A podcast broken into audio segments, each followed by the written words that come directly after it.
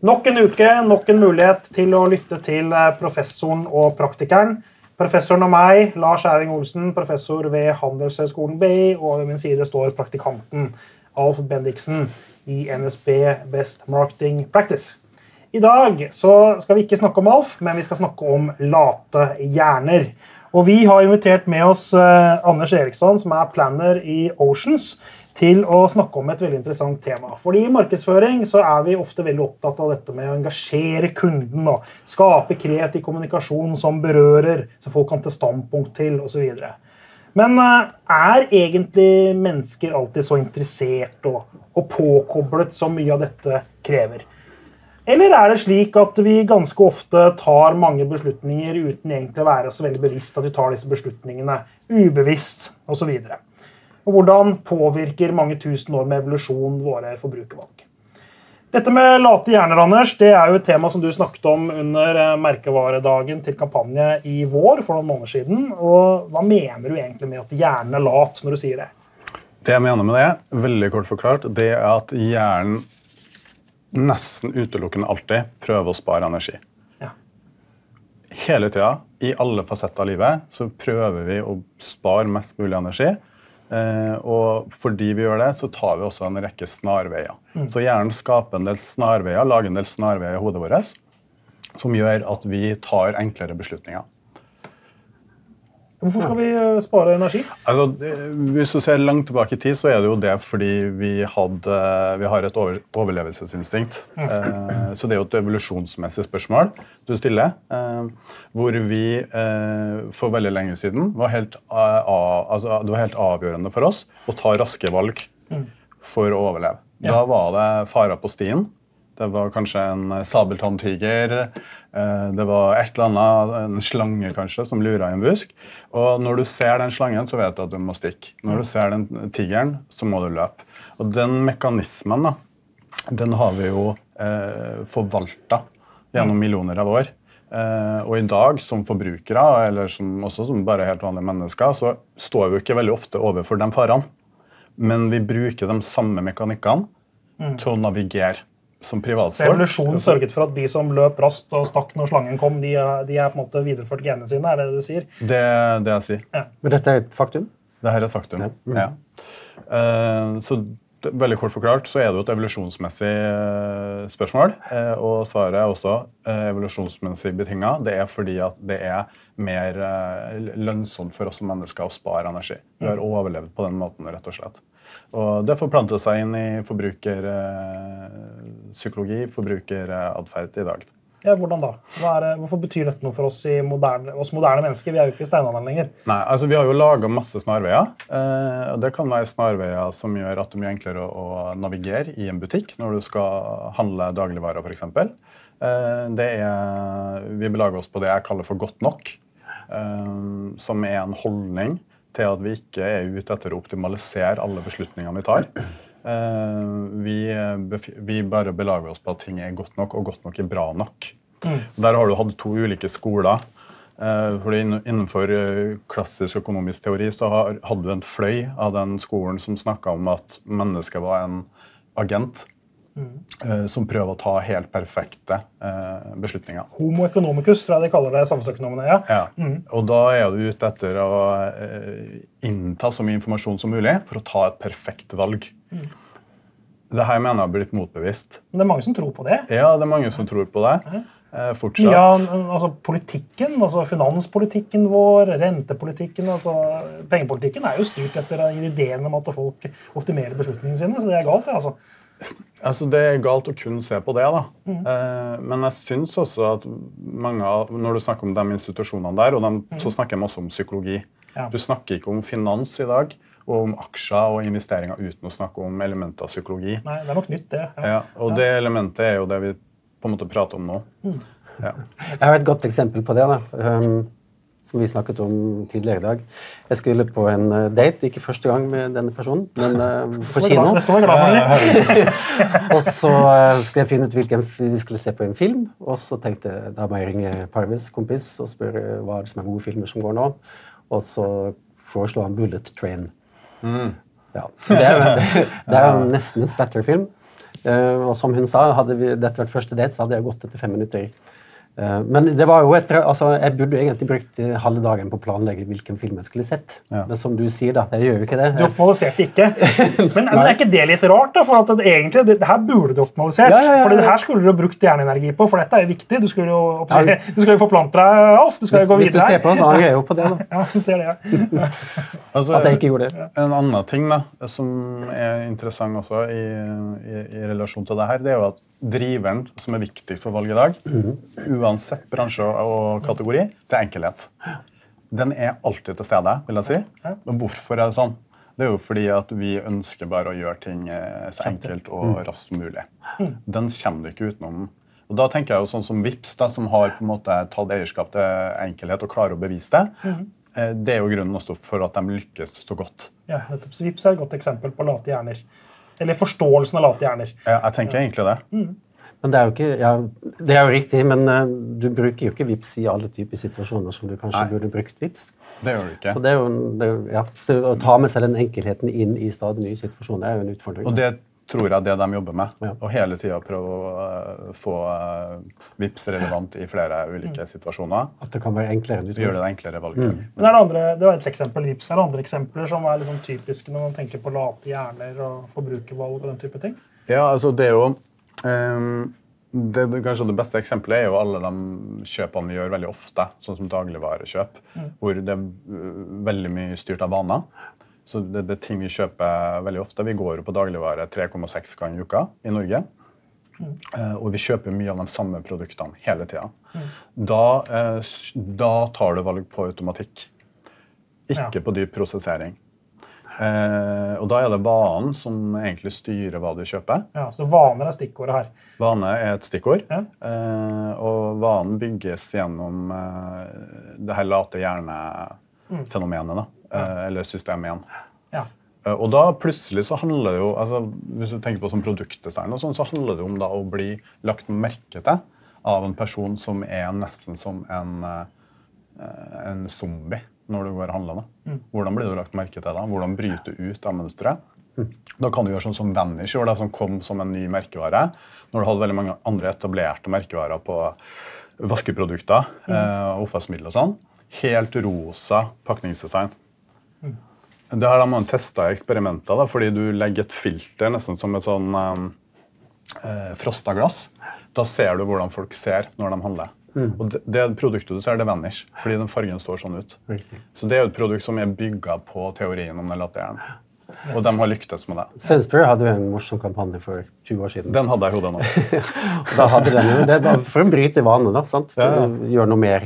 Bruke en uh, muskatnøtt i uh, bolognesesausen din til spagetti. Så de hadde en eh, mann som kledde seg ut som en sjimpanse, som hoppa rundt i butikken. Og så intervjuet de kunden, så var sånn Oh, madam, did you see something unusual in this store today? No. Så står den der bak. sånn, ikke sant? Det er helt hilarious. det er samme greia. Ja. Men det er, men det er, det er en sann Jeg tror det er historie, et klassisk psykologisk eksperiment. også, Ja. Det er, skal telle, det er noen uh, ungdommer som står og kaster en basketball til hverandre. Mhm. og Så gir man i eksperimentet folk oppgave å telle hvor mange ganger den ballen går fram og tilbake. Mens folk konsentrerer seg veldig om det, så kommer det da inn, inn i sjampansedrakt gående sakte over skjæret Og så spør du etterpå så du sjampansen, og folk sier nei. Men fordi de står og teller. De er så opptatt av å gjøre det, så de får ikke med seg noe annet. Men hvis du da viser den samme filmen til en kontrollgruppe som ikke ble bedt om å telle, så ser alle sjampansen. Ja, det det er liksom samme, det er en klassisk Interessant. sant, Ja. Men du, eh, det du sa der litt om som det å være zombie.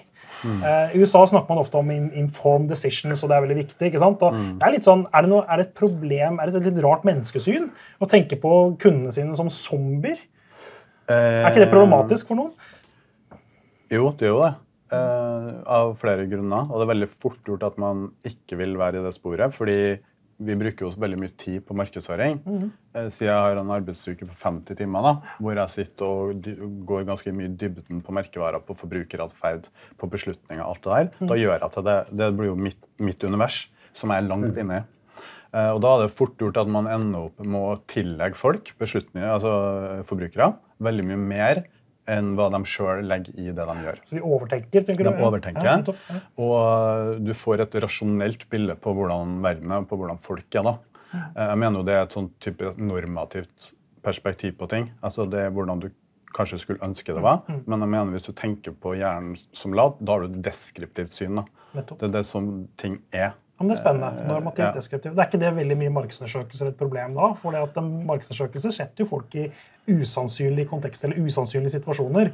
Hva mener du om denne peisovnen? Eller Mm, har du vurdert å bytte renten? Hva tenker du om alle mulige banker? Men folk går jo ikke og tenker på det hele tiden. Nei, de gjør ikke det. er Derfor også pretesting av reklame, eh, men også sånne konsepter og reklame og sånne type ting, eh, er mindre effektiv enn reklame som ikke blir testa. Det er fordi at du ber folk om å rasjonalisere eh, og tenke over en reklame du ser, men når de ser det i det naturlige habitatet, i stua si, eh, etter en full arbeidsdag hvor du er kans kanskje er ganske sliten og du har lyst til å koble av, så ser du ikke film på den måten. Men kan man ikke teste i, eh, prøve å lage en mer riktigere settinger å teste i? da, Så får man reelle tester? Er ikke Jo, det som er egentlig eh, utfordringen enn å si at man ikke skal teste?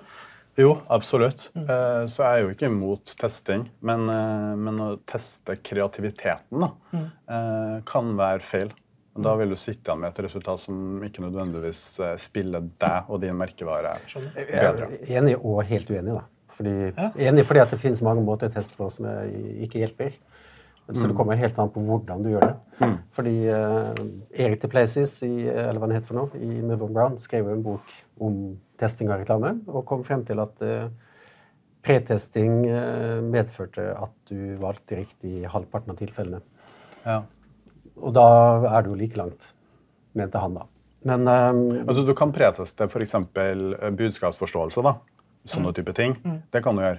Men altså, hvis du begynner å spørre om det er riktig å ha en tiger der, eller hvorfor er det en gorilla som spiller trommer i den sjokoladereklamen ja, så det kommer an på når du tester. da. Ja. Men du kan Ja, jo- teste eksperimentelt. da. Du kan teste variasjoner og se hvordan ting slår ut osv. Og, Det kan og du gjøre. spørre så mye, liksom. Absolutt. Ja, så det kommer an på formålet med pretesting. Kom, ja, men det kom, ja, ikke sant? Bill Bjørnberg sa vel det at du kan jo ikke teste et smil. Nei.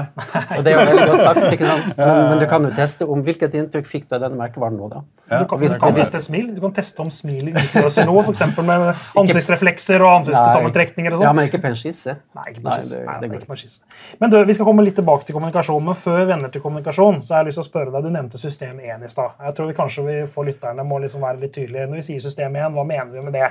Da antar jeg at det finnes noe som heter system 2 også. Så hva er system 1, og hva er system 2? Jeg tror vi må rydde det litt først. Altså, det jo, eh, du kan jo på mange måter si at det er den store teorien til Daniel Kahneman og Amund Tversky, eh, som har brukt eh, store deler av livet, om ikke hele livet, på å forske på det her. Eh, og de snakker jo om dual prosessering. som Fikk doktorgraden også, eh, Ja. kan man flytte. Ja, og Nei, Nobelprisen. fått før, men da Nobelprisen jeg tenkte på. Det tenker jeg er en jævla god grunn til hvorfor det er viktig. Altså, her har du ledende forskere i verden som har vunnet Nobelprisen i økonomi. Og det er ikke bare dem heller, det er også Richard Taller som har vunnet Nobelprisen i økonomi, som er innenfor samme domene. Mm. Eh, Men tilbake til systemet, så har du to systemer. Eh, System 1 det er jo det raske automatiske. Det er en late hjernen. Det er den latteren. Ja. Eh, og det de tror, da, for man vet jo ikke det her med 100% sikkerhet, men at vi bruker den i 95% av tida vi tar beslutninger, altså ca. 5% Det er nok tenkt på tall, men det er høyt. Ja. Det er høyt. det er veldig høyt. Og så har du eh, system 2, hvor vi har egentlig ganske lite mental eh, energi til rådighet. Men det er jo det tunge systemet. Det er når du f.eks. skal ta matteeksamen på et eller annet studie, da er du jævlig fokusert i fire timer. Da er du påskrudd, og du brenner sikkert en 500-800 kalorier på å sitte i ro kun ved å bruke hjernen. Det er fordi du er på system 2. Du bruker det, du maksimerer det, og etterpå er du helt ferdig. Den type prosessering har vi veldig lite lyst til å gjøre, fordi den koster oss veldig mye. Vi gjør det når vi må. Når du må. Ja. Og det er stikkordet. Eller er veldig motivert. Men nesten aldri når vi tar forbrukervalg. Det der er jeg veldig usikker, da, fordi det jeg tenkt å altså, var vel, Jeg var ikke sikker på det, men det jeg trodde før, var jo at vi har eh, høyinvolverte valg og lavinvolverte valg. Og ofte når vi snakker om de her tingene, her, f.eks. på jobb, eh, så snakker vi om det som det er to motpoler som er veldig langt fra hverandre. Jeg tror de ligger her.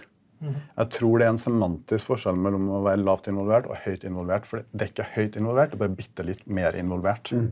Spennende. Eh, tror jeg. Ja, en sånn tanke, Eh, ja.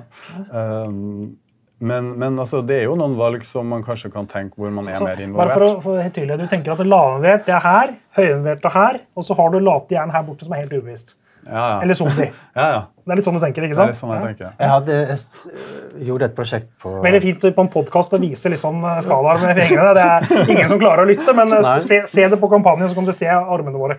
Jeg observerte og intervjua folk som hadde valgt å kjøttpålegg da, for å putte i handlekurven sin. Så var det en fyr som sto foran hylla. Jeg tror han sto der i Det var mer enn to minutter, altså. Ganske lenge. Så puttet han over kurven sin, og så spurte han, kan jeg få lov å spørre deg om et par ting. Og så sa han ja, og så spurte jeg hva var det du valgte for noe, for nå tenkte jeg nå skal jeg riktig få vite hva han har tenkt. Han husket ikke hva han hadde valgt. Da tenkte jeg hva er det jeg holder på med nå, da? Dette er jo helt, helt håpløst. Men system 2 er jo er ikke det som gjør oss til mennesker. da? Er ikke det som skiller oss fra dyrene? At vi har liksom, kan tenke fremover, ta rasjonelle valg, vurdere konsekvenser. Vi Ikke bare være zombie, Ja, ja. liksom? Ja, Bikkja mi er jo zombie innimellom òg. Ja, ja, vi tenker derfor er vi. Ja. Ja, ja, altså, mulig, men det er i hvert fall sånn hjernen er. da. Mm. Eh, men vi har de to systemene til rådighet. Men det ene eh, brukes mye mindre. Eh, men jeg syns vi markedsførere tillegger den delen litt for mye eh, verdi, eller størrelse. Ja, hvilken da? System, System 2. to. Hvorfor er det sånn? Hvorfor tror du at vi markedsførere er liksom opptatt av å tenke hele tiden på kundene våre Det- som veldig sånn fornuftige, rasjonelle folk som tar masse lure valg? Det gir jo mening da, når vi har investert i eh, kanskje fem år eh, på skolebenken. Kanskje man har en eh, bachelor og en master. Så har man investert i en karriere i faget eh, i markedsføring. Da. da må du jo begynne å tenke at eh, det er viktig, det er viktig, det er viktig. Det er også viktig for andre. Det er veldig fort at du havner der, eh, tror jeg, da. Det er en av grunnene. Og så sitter man jo mange timer og diskuterer ting. Altså, sånn, I et reklamebyrå for eksempel, så kan vi jo bruke mange timer på å diskutere en display-bannerannonse. Den annonsen blir se altså I snitt så ser en forbruker på den i ett sekund. Da er det veldig fort gjort at vi som bruker 100 timer på den, tillegger den veldig mye greier, og den som skal se den veldig Det mye blir greier. navlebeskuende. Vi holder på med det, er sikkert alle like interessert som oss. Ja. Men, men Da er du plutselig inne i, i, eh, i et system 2, og du begynner å tillegge reklamen type fasetter, fordi du antar at folk skal se det, og tenk det her. Da du holdt innlegget ditt på merkevaredagen til kampanje, da, så før, for du var sistemann, så vidt jeg husker, Ja. så var det jo tre før deg som hadde snakket om eh, du, du var det kanskje og hørte på, men det var tre stykker som sa at når vi tar raske valg, så tar, velger vi det vi liker. Hva tenker Ja. du om det? Um, Vi, vi velger de merkevarene som vi liker, da. Absolutt. Jeg er helt enig. Uh, og det er jo uh, Altså, vi liker jo ting som vi kjenner. Altså, det du kjenner, er du kjent med. Det du er kjent med, og det du er vant til å gjøre, det liker du. Mm. Men legger du da liking, altså Det å like ting, er det en rasjonell tankeprosess, eller er det en automatisk prosess? Eh, Det er en automatisk prosess. Altså, Den holdninga du liker, da, den kommer som en følge av at du tar noen valg, tror jeg. da. Tidligere, ja. Ja, Så det er atferd som forløper til å være holdning. Um, Ja, men du sa at du velger det som du vanligvis velger. ja. Altså det er vanen som, som står øverst, da. Forstår jeg på deg. ja, Ja.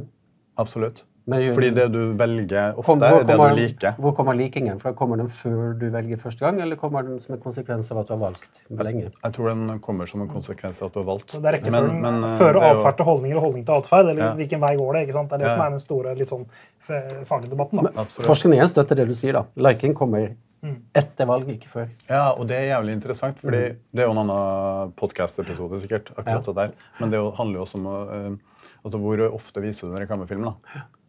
Hvis du viser den én gang og forventer å se høye likingtall, så vil du bomme. Alltid. Det er samme greia. Du må bli vant til det. Og når du får system 1, den film, du er vant til å se den reklamefilmen der fra Telenor eller Telia, så begynner du å like også. Dette er et argumentasjon for å gjenbruke gamle reklamefilmer. da. At Ja, det som har vært det suksesser før, bruk det igjen tre år etterpå. Det er, min, før. det er en av Ja. mine fanesaker. Det er ikke så bra for reklamebransjen, da, for da får folk laget nytt. da, men Nei, nei. Ja, så når en ny, når en ny reklamekampanje flopper på reklamebørsen til kampanje, da, Ja. som er helt, altså som du aldri har sett før, Mm. eh, merkevaren er helt ny, alt er helt nytt, så skal det veldig mye til å kunne like det fordi at du har ikke sett det før, eller? det er akkurat. Ja. Ja, hvis det er veldig kreativt og morsomt, og du syns det er supergøy, da, da, vil jo likingen kanskje gå opp, eller? Ja, eh, men eh, den vil ikke gå masse opp før Nei. over tid, Riktig. tror jeg. Og det har jo også med systemet og to å gjøre.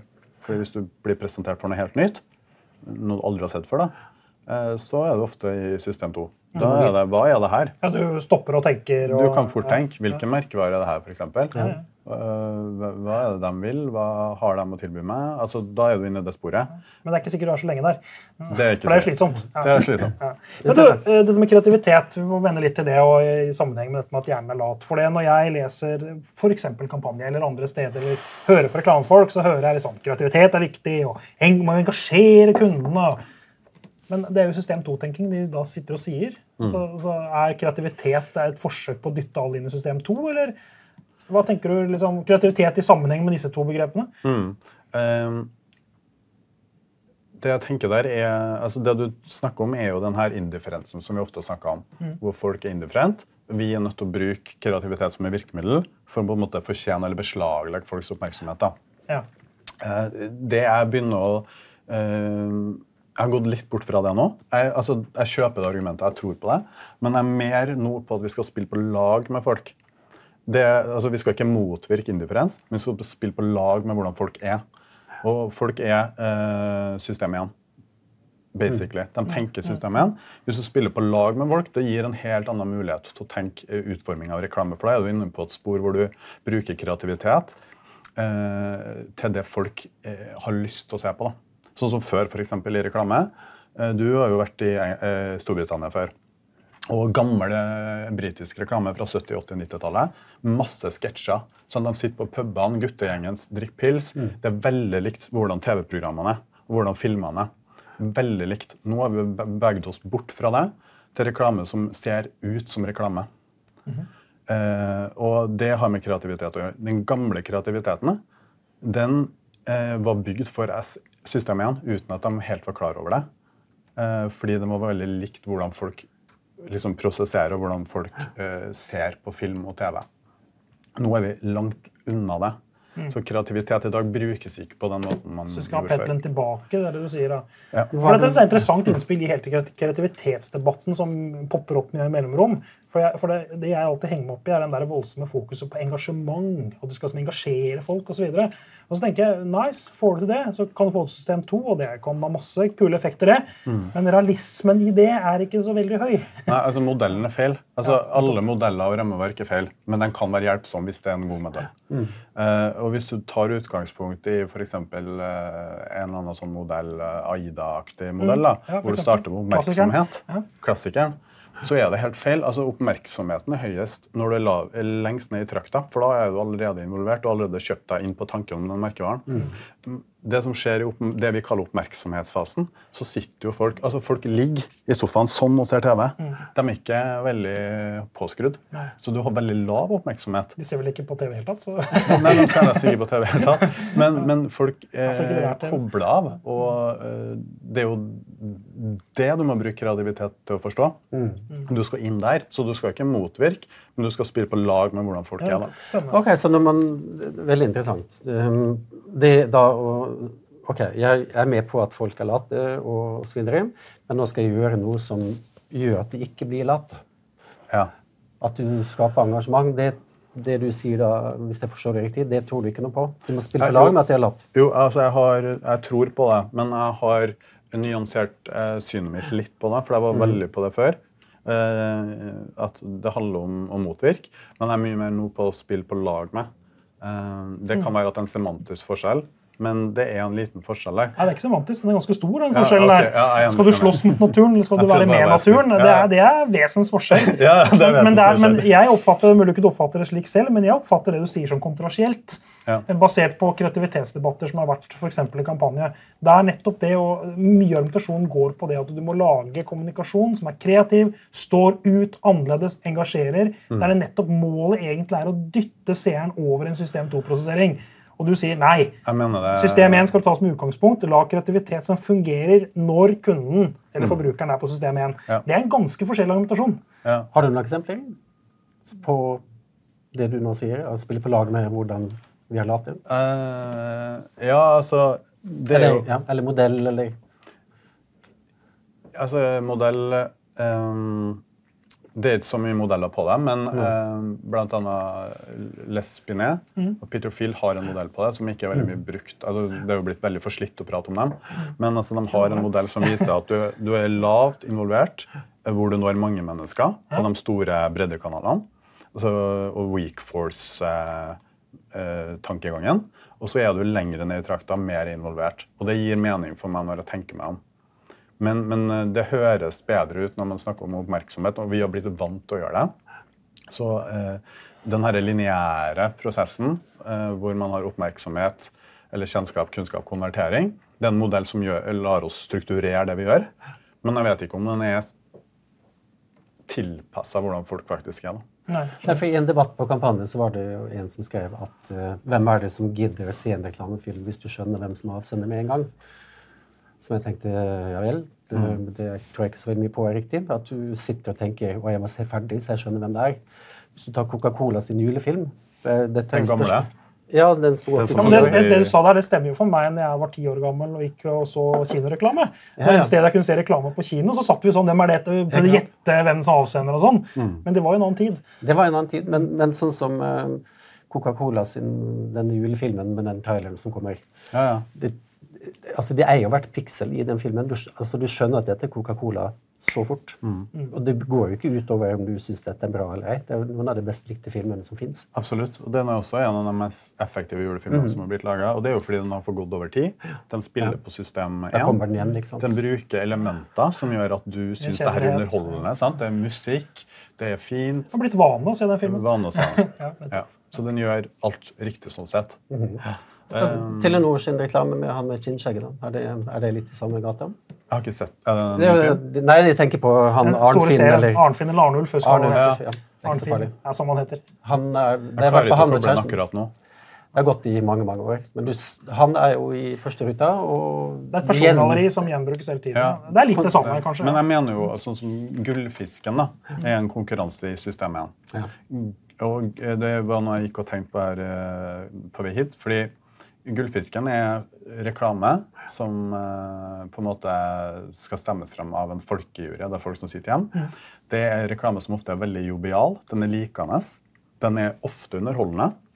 Altså Den skal enten få deg til å le eh, og gråte eller bli hjertevarm. Eh, og det er systemen. Eh, reklame i praksis. da. Så du tar egentlig og låner fra et underholdningsunivers, og så tar du det rasjonelle budskapet, som kan være litt kjedelig, og så pakketterer du det på en måte sånn at det prosesseres riktig. Men de som vil hevde at kreativ reklame skal skape oppmerksomhet og engasjement, vil jo bruke de samme argumentene. Vi skal lage morsom, emosjonell film. Så det er jo det samme, da. Er det ikke det? Vil ikke de brukes, vil ikke si akkurat det samme som du sa nå? Nei, eh, det er, det er interessant debatt. Eh, Jeg forstår hva du mener. Jeg klarer ikke helt å sette ord på alt jeg mener akkurat nå på den saken. Nei, jeg er bare nysgjerrig. Jeg er bare nysgjerrig, for jeg liksom, Det er jo de mantraene som kommer igjen. Da, men jeg tror kanskje eh, forskjellen handler om forventningen til hvilke effekter og prosessering det skal skape hos seeren. At man har forskjellige mål med hva dette skal bidra til. Det du snakker om, er at det skal skape en gjenkjennelighet, en ubevissthet. Dette har jeg kanskje sett før, men jeg tenker ikke så mye over det, og jeg blir minnet på at Coca-Cola igjen er noe som fungerer.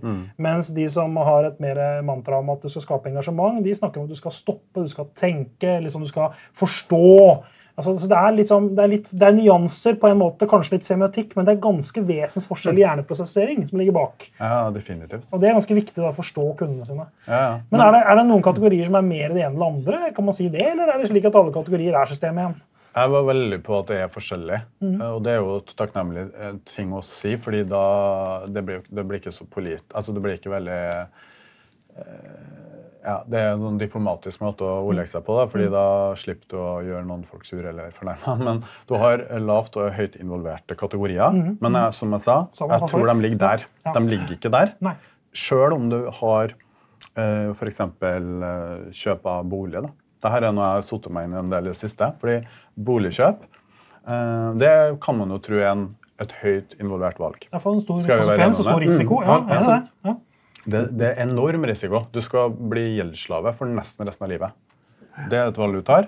Du skal kjøpe deg bolig og bruke mange millioner på det. eh, Hus eller leilighet. I 2010 så eh, innførte de en sånn energiskala som følger det prospektet du får Mm, utlevert med, med eh, megleren.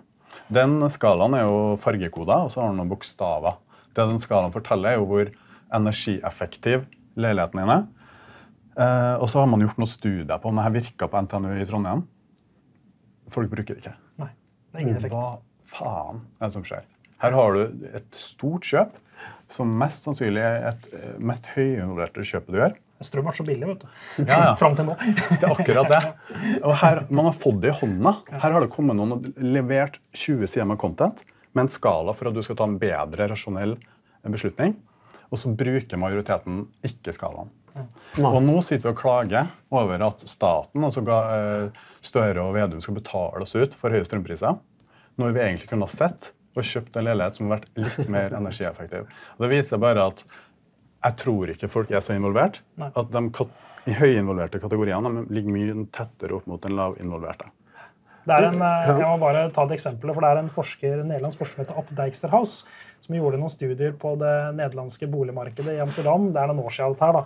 Og han, han hadde forskjellige prospekter. Mm. og Noen av prospektene var slik at det var åpenbart noen hus, eller leiekjøp som var bedre kjøp enn andre. Helt åpenbart hvis du leser prospektet. Da ser du det med en gang.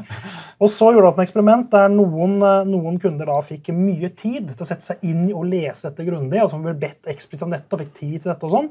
Mens en annen gruppe fikk liksom beskjed om at her må du ta en rask beslutning. Fikk et tidspress da, for å ta beslutningen. Hadde da ingen mulighet i praksis til å lese disse prospektene godt. Men det som viser seg i eksperimentet, og det som er interessant, er at de som fikk tidspress, gjorde bedre beslutninger på gjennomsnitt enn de som hadde tid til å lese. Og Forklaring til Dijkstra er det at de som bruker mye tid og setter seg inn i alt, de begynner å overtenke, overrasjonalisere og fatter da faktisk dårligere valg enn de som bare liksom eh, Ja, grønt kontra Det er sikkert bedre. Tar den. Du?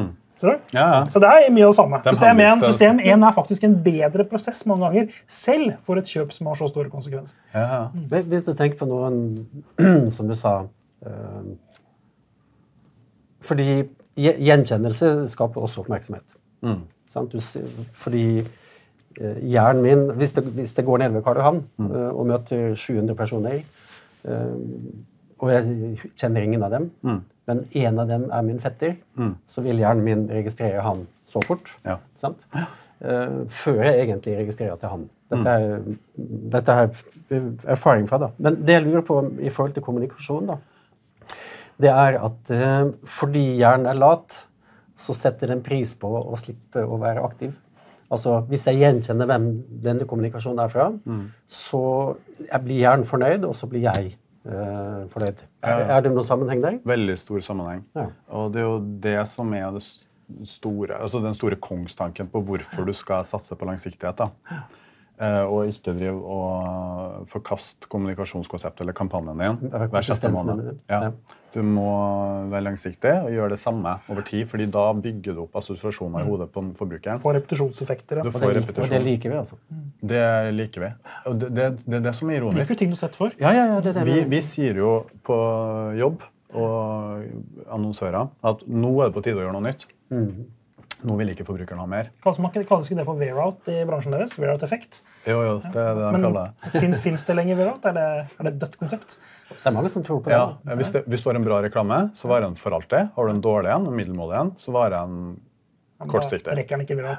Men, men god reklame varer evig. Uh, og det ser du fordi folk oppsøker filmer igjen på YouTube. Men tilbake til det poenget, så er det jævlig ironisk da, at vi forkaster ting. Mens uh, grunnen til at vi står opp, på, og står opp om morgenen, er jo for at vi vil ha vekst. Ja, ja. Og du får vekst gjennom å ha et konsept som går som er konsistent over tid, som gjør at folk liker deg. Altså Mm. folk får en preferanse for deg framfor konkurrenten. Så vi er egentlig destruktive mot oss sjøl. Vi tar valg i dag som vi, an, vi tror vi gjør det beste for vår merkevare og vår arbeidsplass, men egentlig så er det destruktivt. Du bør satse på langsiktighet, samme eh, konseptet. Mark Whitson sier eh, ok, eh, lanser et produkt, ikke endre på den visuelle identiteten på 40 år, og så kan du gjøre noe. Og grunnen Det var langsiktig. da er det langsiktig. Men da har du bygd opp noen strukturer i hodet ditt. Eh, og hvis du driver og river ned dem hver gang fordi du skal ha et nytt konsept og en ny payoff Så ikke vær for innovativ. Ikke finn på for mye. Nei, vi hadde besøk av Freia her også, og de, og de har gjort masse endringer på pakningsdesign. Men eh, så små endringer fra gang til gang at du ikke ser det. Ja, Sant? det, det er Men etter, etter 40 år så ser du det. Når du tar for, fra 40 år tilbake. Ja, Nike-logoen. Alltid vært noen endringer i tidsånden. Mm. du legger ikke merke til det i system 2, men du, det er et eller annet. Den snakker til Det deg er det når du ser det, men du må se Ja. det. Men eh, vi eh, folkens, vi må ta på alvor at hjernene våre er late, og nå orker vi ikke mer. Så nå har vi liksom fått mer enn nok. Vi har holdt på lenge nok. Tusen takk, Anders. Dette har vært eh, ekstremt eh, interessant, lærerikt, og du har kommet med noen kontroversielle uttalelser som jeg håper noen nå plukker opp og skriver en motkronikk på i kampanje. Så tusen takk for at du deltok. Og tusen takk til deg som eh, så på oss på denne episoden. Som vi alltid pleier å si, ta en informert beslutning og følg oss på den podkastkanalen du er interessert i, og vi ses neste uke.